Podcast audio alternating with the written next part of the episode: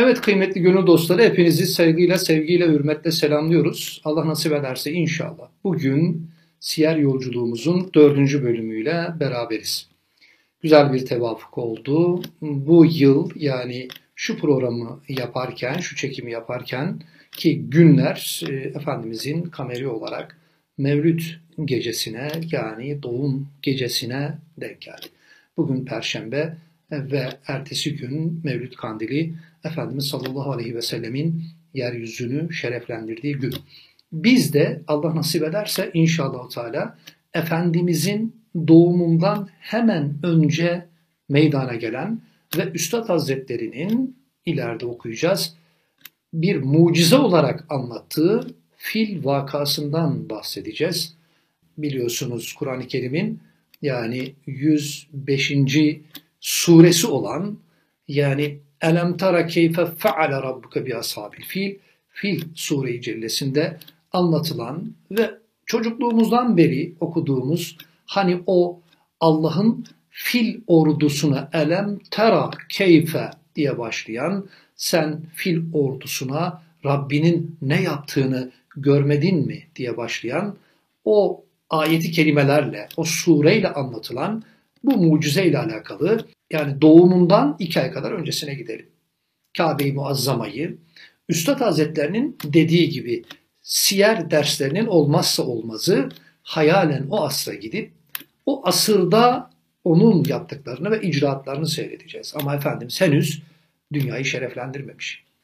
60 bin kişilik bir ordudan bahsediyor tarih siyer megazi yazarları. Mekke'nin birazdan göreceksiniz Mugammes Vadisi'ne gelerek oraya konuşlandığını ve birkaç gün içerisinde Kabe'ye saldıracaklarını hayal edin. Kabe-i Muazzama Allah'ın evi. Beytullah, beyt Arapçada ev demek biliyorsunuz. Allah'ın evi. Yani Allah'ın evi derken bir ev büyüklüğünde hakikaten de fiziki olarak da bir ev büyüklüğünde ileride Kabe, Kabe manası, e, hakikati Ahmediye, hakikati Kabe bunları evet ileride işleyeceğiz ama 14 metreye 14 metre duvarları olan yani böyle e, bir ev. Dolayısıyla ev büyüklüğünde bir yapıya 60 bin kişilik ordunun saldıracağını beraber hayal edelim. Hatta Kandemesepe tepesine çıkalım ki Kabe'ye en yakın en yüksek dağlardan bir tanesidir. Oraya çıkalım. Hem yani Mina Vadisi yakınlarında Vadi e, Muhammes'te e, biz o orduyu seyredelim. Yani Mekke'ye doğru yürüyor. Bir taraftan da Kabe'yi görelim. Ve birbirimize soralım. Allah'ın Kabe'sini daha doğrusu evini koruyacağına eminiz. Ama acaba nasıl koruyacak diye birbirimize soru sorduğumuzu düşünelim. Zannediyorum hiçbirimizin aklına orada bin kişi de olsak yani Allah belki gözsüz öyle anlatıyorlar. Yani işte o ebabil kuşlarını esasen ebabil kuş sürüsü demek. Ağzında o yani hani pişirilmiş şey taşıyan sicil yani taşıyan o taşlarla adeta güdümlü mermi gibi hangi taşın hangi askere isabet edeceğini tabiri caizse rotasını yani hani Allah tarafından çizilmiş o kuşların ellerine, ayaklarına iki tane bir de gagalarında olmak üzere yani onlarla onları yine ayetin tabiriyle söyleyelim çiğnenmiş ekine çevirecek desek yani veya böyle bir şey ortaya atılsa herhalde yani hayal gücümüzü bile zorlayan bir şeydir. Evet Allah işte o fil ordusunu bu şekilde helak etmişti. Peki neydi bunun aslı? Ebrehe neden yani Kabe'ye saldırmak istemişti? Bununla alakalı Efendimizin doğumundan hemen önce meydana gelen bu mucizenin isterseniz biraz eskisine gidelim. Daha doğrusu birkaç yıl öncesine gidelim. İşte e, fil vakası, fil olayı diye tarihe geçen ve hatta o yıla amül fil denilmiştir. Yani fil yılı denilmiştir. Hatta e, bazı topluluklar e, o günkü bazı popülasyonlarda o yılı milat olarak kabul etmişlerdir. Fil olayından önce, fil olayından sonra diye yani kendi kitaplarında ve tarihlerinde vardır. Fil olayı da Kur'an-ı Kerim'in anlattığı kıssalardan bir tanesidir. Ve e, nasıl başlıyor? E, hikayesi Güney Arabistan'a kadar uzanmamız lazım. Güney Arabistan bugün Yemen devletinin olduğu kısım. Güney Arabistan'da Zünüvas isimli Himyeri hükümdarı var. Himyeriler, Himyerliler fark etmez iki türlü de telaffuzu var. Güney Arabistan'da o gün itibariyle kuvvetli bir devlet ve Zünüvas e, Yahudiliği benimsiyor ve o günün samimi Hristiyanlarına yani 500'lü yılların başları böyle düşünebilirsiniz. Yani Efendimizin doğumundan 70-80 yıl kadar önce ne yapıyor? E, çok ciddi bir zulme başlıyor. O gün Güney Arabistan Hristiyan. Yani Hristiyanlık dininin Hazreti İsa ile beraber Efendimiz'den 500 yıl kadar önce ortaya çıktığını herhalde söylememe gerek yok. Ve o günün samimi Hristiyanlarına çok ciddi zulmetmeye başlıyor. Ve Himyerilerin bu son hükümdarı Zünüvas'ın bu zulmü hatta Kur'an'a bile girmiştir. Hatırlayın Ashab-ı Uhdud'dan bahseder Kur'an-ı Kerim. Ashab-ı Uhdud şudur. Yani hani hendek manasına geliyor. Hendekler kazdırıyor ve dinlerinden dönmeyenlere zulmediyor ve hendeklere yağlı şeyler doldurarak, ateşler yakarak insanları oraya atıyor. Samimi Hristiyanları oraya atıyor ve bu şekilde zulmediyor. Hatta bu şekilde öldürdüğü hatta şehit ettiği diyebilirsiniz. Kur'an anlatıyor böyle. Ee, insanların sayısının 20 bine yaklaştığı ve bali olduğu anlatılır. İşte o zulümden bıkan Hristiyanlar hemen işte Etiyopya'da o gün itibariyle Habeşistan kralından ki Necaşi kral manasına geliyor biliyorsunuz. Yardım istediler. O da 70 bin kişilik bir ordu hazırlayıp ordunun başına da Eryat isimli bir komutan koyarak onları yani 70 bin kişilik orduyu Yemen'e gönderdi. Bu ordunun içerisinde işte Ebu Yeksun Ebrehe el-Eşrem el-Habeşi de vardı. Evet uzun söyledim ama kısa söyleyeyim. Ebrehe de vardı. Bu arada Ebrehe ile alakalı çok kısa bir bilgi vereyim. Ebrehe o günün Habeşistan dilinde Habeşçe'de İbrahim demek. İbrahim. Arapçaya geçerken biliyorsunuz yani İbrahim diye geçiyor. Ebrehe Habeşçe'de İbrahim demek ve söylememize gerek yok. İbranice'de de Abraham deniliyor biliyorsunuz. Hatta ileride büyüklerimiz e, onun tarihini yazarken diyecekler ki diyecekler ki e, iki İbrahim var tarihte. Birisi put yıkmıştır, öteki put yapmıştır. Put yıkan Hazreti İbrahim üç dinin ortak atası. Put yapan, diken ise Kabe'ye alternatif olsun diye kullesi yaptıracak olan Ebrehe'dir. Birazdan göreceksiniz. Ve Zünüvas kaçarken boğulduğu rivayet edilir ve zaten Himyerilerin son komutanıdır. Himyerileri o 70 bin kişilik ordu tarihten silecek ve arkasından işte Eryat'la Eşrem yani Ebrehe el Eşrem. Eşrem denilmesinin sebebi de burnunun yani bir savaşta yarılmasından dolayı hatta birazdan okuyacağız. Orada yarılmasından dolayı el Eşrem denilmiştir. E, aralarında anlaşmazlık çıkınca e, ordular bölünüyor ve diyor ki ordular savaşmasın insanlar ölmesin. Senle ben savaşalım kim yenerse o ayakta kalırsa zaten buraları o yönetsin. O işte mübareze diyorlar teke tek çarpışmada. İşte Ebrehe galip geliyor. Hatta orada aldığı burnundaki yaradan dolayı, yarıktan dolayı ona eşlem diyorlar. Yani ismi Ebu Yeksun Ebrehe el-Eşlem el-Habeşi olarak tarihe geçiyor. Oraları yönetmeye başlıyor. Yani Güney Yemen'i yönetiyor. Yemen'in şöyle bir özelliği var Araplar açısından. Yemen Arapların geldiği yerdir. Yani Araplar Sami ırkının ilk ortaya çıktığı yer orasıdır. Hazreti Sam'dan yani Hazreti Nuh'un oğullarından bir tanesidir. Sami ırkı ortaya çıkmıştır ve ana vatanları Arapların tabiri caizse Yemen'dir tespiti yapılabilir. Ve orayı yönetmeye başladığı zaman bir şeyin farkına varıyor Ebrehe. Ve e, özellikle ticaret için ve dikkat edin hac yapmak için kutsal bildikleri o Arapların Hazreti İbrahim'den beri var olan hatta geçen hafta anlattık Hazreti Adem'den beri var olan o kutsal beldeye Kabe'ye hac ve umre için gittiklerini görüyor. Esasen zahiren yani bunlar niye oraya gidiyorlar diyor. Yani insanların dikkat edin kıblesini değiştirmek. Burası çok çok önemli.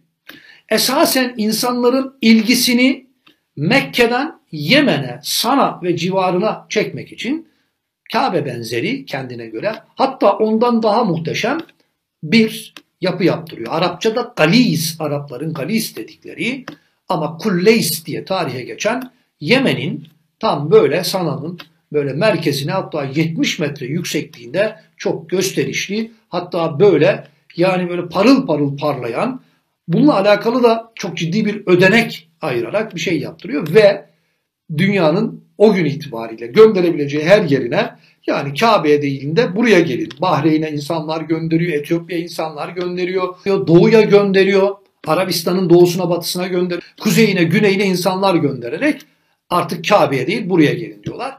Tabi e, Araplardan bazıları e, buna çok öfkeleniyorlar. Yani e, kadimden bu tarafa var olan bir kutsallığı sen nasıl buraya taşırsın diye. Hatta yani dedim ya Yemen'de yaşayan Araplar hayvan kesiyorlarsa leşini getirip kulleysi atıyorlar. Hatta içine pisliyorlar, pisletiyorlar. Bunu da e, yani hani e, Ebrehe görüp danışmanlar ona haber verince madem öyle ben de Arapların Kabe'sini yıkacağım diyerek 70 bin kişilik bir ordu topluyor. Esasen yani sadece Kabe'yi yıkma amacı yok diyor tarih kitaplarında insanlar. Diyorlar ki hem Hristiyanlığı yaymak mutaassıp bir Hristiyan olduğunu biz okuyoruz. Hem Hristiyanlığı yaymak hem de Arabistan olduğu gibi ele geçirme gibi bir fikri var. Çünkü o e, Eryat'ı yenip orduyu ele geçirdiğinde, buraları yönetmeye başladığında normalde Habeşistan'a bağlı bir valilik ama bağımsız hareket ediyor. Yani dış işlerinde belki oraya bağlı ama iç işlerinde bağımsız hareket ediyor. Orayı bir krallık gibi ve bir kral gibi yönetiyor Ebrehe ve 70 bin kişilik ordusuyla yola çıkıyor. Ve e, 70 bin kişilik bir ordu düşünün. Öncelikle tabii yani e, Araplardan bazıları, bazı kabileler Kabe'lerine sahip çıkıyorlar. Kutsallarına sahip çıkıyorlar. Bakın burası çok önemli. Ve e, onun karşısına dikiliyorlar. Fakat tabi 70-60 bin, 70 bin kişilik belki 60 bin kişilik orada özür diliyorum.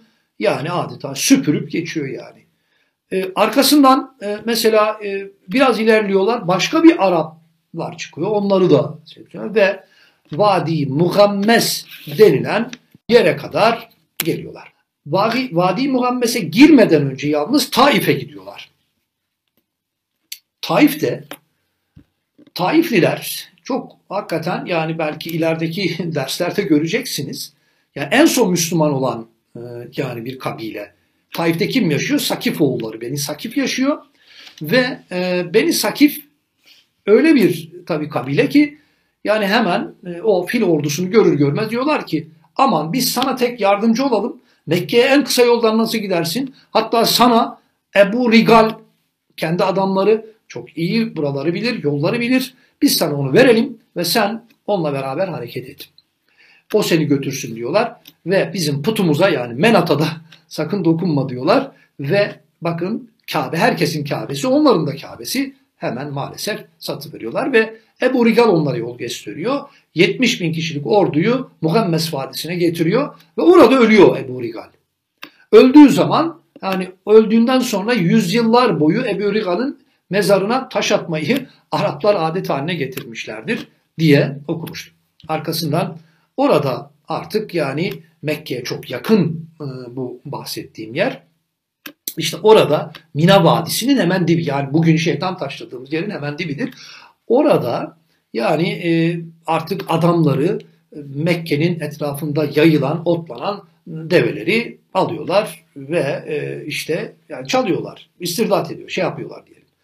Ve e, tabii Mekke'de e, müthiş bir telaşlı bekleyiş var. 70 bin kişilik ordu Mekke ve Kabe'ye saldıracak. E, hemen tabii o gün Mekke'nin yöneticisi Abdülmuttalip yani Efendimiz sallallahu aleyhi ve sellemin dedesi.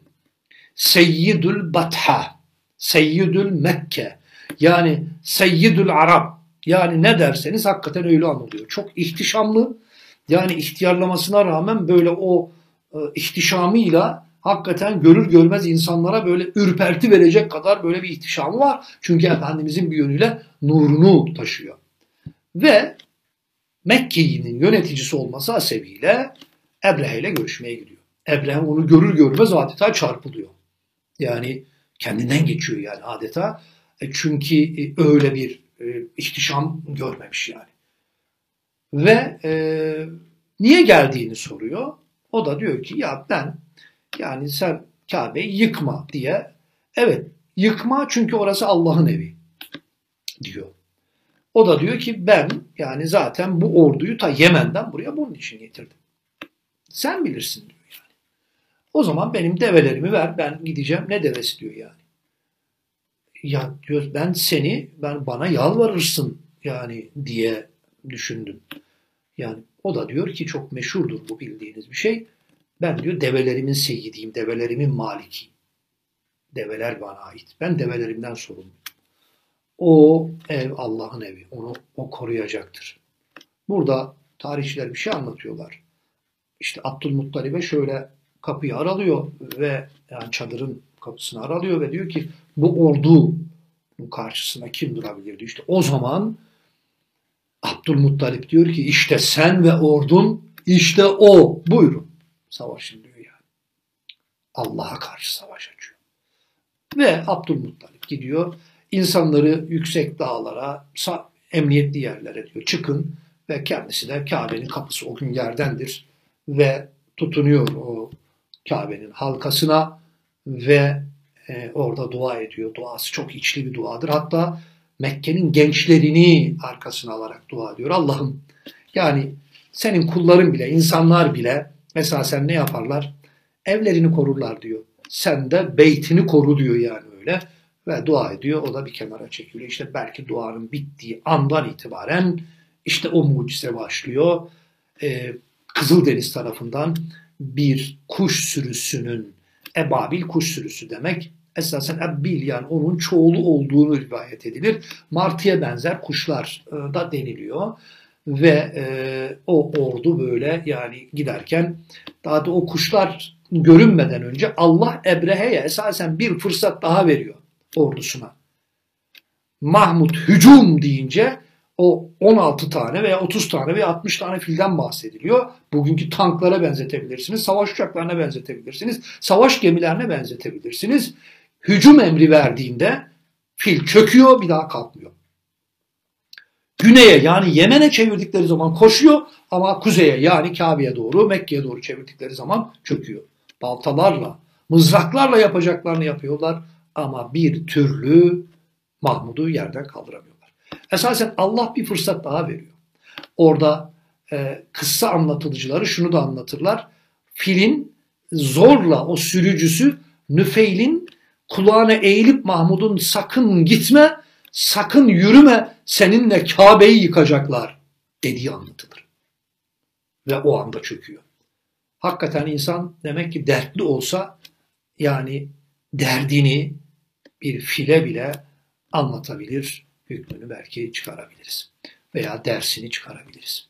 Arkasından yine tabi zorlayınca şartları bu sefer ebabil kuşları ağzında taşıdıkları bir tane gagalarında, ayaklarında iki tane öyle tarif ediyorlar. Her birisi üçer tane taşıyorlar ve 60 bin kişilik orduyu o siccil, pişirilmiş taşlarla hangi taş kime isabet edecek? Belki güdümlü füze gibi çiğnenmiş ekine adeta döndürüyor Allah onları. İşte e, Kur'an-ı Kerim'de elem tara keyfe feale rabbuke bi ashabil fil. Rabbinin o fil ashabına, fil ordusuna ne yaptığını görmedin mi? Ve ke asfin me'kul yani onları çiğnenmiş esasen bir ekin tarlasına çevirdi diyor. İşte tabiri caizse bu saldırıdan Ebrehe yani belki ibret açısından sağ kurtuluyor. Hatta Yemen'e yani başkentine kadar gidiyor. Ama Allah canını hemen almıyor. Yolda kolu düşüyor, ondan sonra diğer kolu düşüyor, sonra bacakları düşüyor tabiri caizse.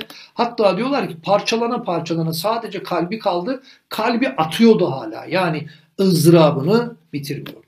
Evet, mütekebbirler, dikkat buyurun, kaba kuvvet kullanırlar. Kibirli insanlar, Allah korusun, kibirlerinden vazgeçmezlerse kendilerini haşa Allah'la bile savaşabilecek bir güçte görmeye başlarlar. Tiranların ortak özelliği budur. Peşine taktıkları ordularla fiziki olarak, maddi olarak zenginleştikçe, enaniyetleri arttıkça evet birer tirana ve adeta diktatöre dönüştüler. Ve bütün kutsallara adeta savaş açmaya başlarlar. İşte Ebrehe bunun en güzel örneklerinden bir tanesidir. Üstad Hazretleri bu mevzuyu Risale-i Nur'da 19. mektupta bize anlatır. 19. mektupta Üstad Hazretleri biliyorsunuz Allah Resulü'nün bine yakın mucizesi vardır. Bunlardan 300 tanesini kaynaklarıyla beraber ezberden mecmunu 12 saatte hiçbir esere müracaat etmeden yazdırmıştır. Yani Allah Resulü'nün mucizelerinin bir kerametidir esasen 19. mektup. Orada diyor ki yani bu da bir mucizedir. Okuyalım kelimesi kelimesine. Çendan veladet gecesinde değil fakat veladete pek yakın olduğu cihetle evet bugün Mevlüt Kandili biliyorsunuz. Yani akşam idrak edeceğiz. O hadiseler de İrhasat Ahmediye'dir ki Aleyhisselatü Vesselam sureyi Elem tara keyfe de nasıl katiyle beyan edilen. Evet bugün çekimi yapılıyor ama pazartesi günü yayınlandığında biz Mevlüt Kandili günlerini, o kutlu doğum günlerini idrak etmiş olacağız. Evet, onlardan bir tanesi de vakayı fildir ki Kabe'yi tahrip etmek için Ebrehe namında Habeş Meliki gelip Fil-i Mahmudi namındaki cesim bir fili öne sürüp gelmiş. Sonra diyor ki evet o fil bir daha hareket etmemiş. Evet çünkü veladete yakın yani Allah Resulü'nün köyünü yani Allah Resulü'nden önce bu mucizenin meydana gelmesinin hikmetini Üstad Hazretleri şöyle özetliyor. Çünkü veladete yani onun doğumuna yakın bir zamanda kıblesi, mevlidi yani doğumu, sevgili vatanı olan Kabe-i Mükerreme vatanında olan ve vatanı olan Mekke ve Kabe-i Mükerreme'ye mükerreme gaybi ve harika bir surette Ebrehe'nin tahribinden korunmuştur diyor. Evet bu hadiseden sonra e, Kureyş'in adeta itibarı artacak, Abdülmuttalib'in itibarı artacak. Allah zayıf kuşlarla 60 bin kişilik bir orduyu helak edecek. Büyüklüğünü bir kere daha böyle gösterecek ve adeta Mekke'yi Efendimizin doğumuna hazırlamış olacak. Önümüzdeki ders Efendimiz sallallahu aleyhi ve sellemin doğumu, doğumu esnasında meydana gelen yeryüzündeki mucizeleri yine fotoğraflarla ve haritalar eşliğinde anlatmaya çalışacağız. Önümüzdeki hafta buluşmak üzere diyor ve hepinizi Allah'a emanet ediyor.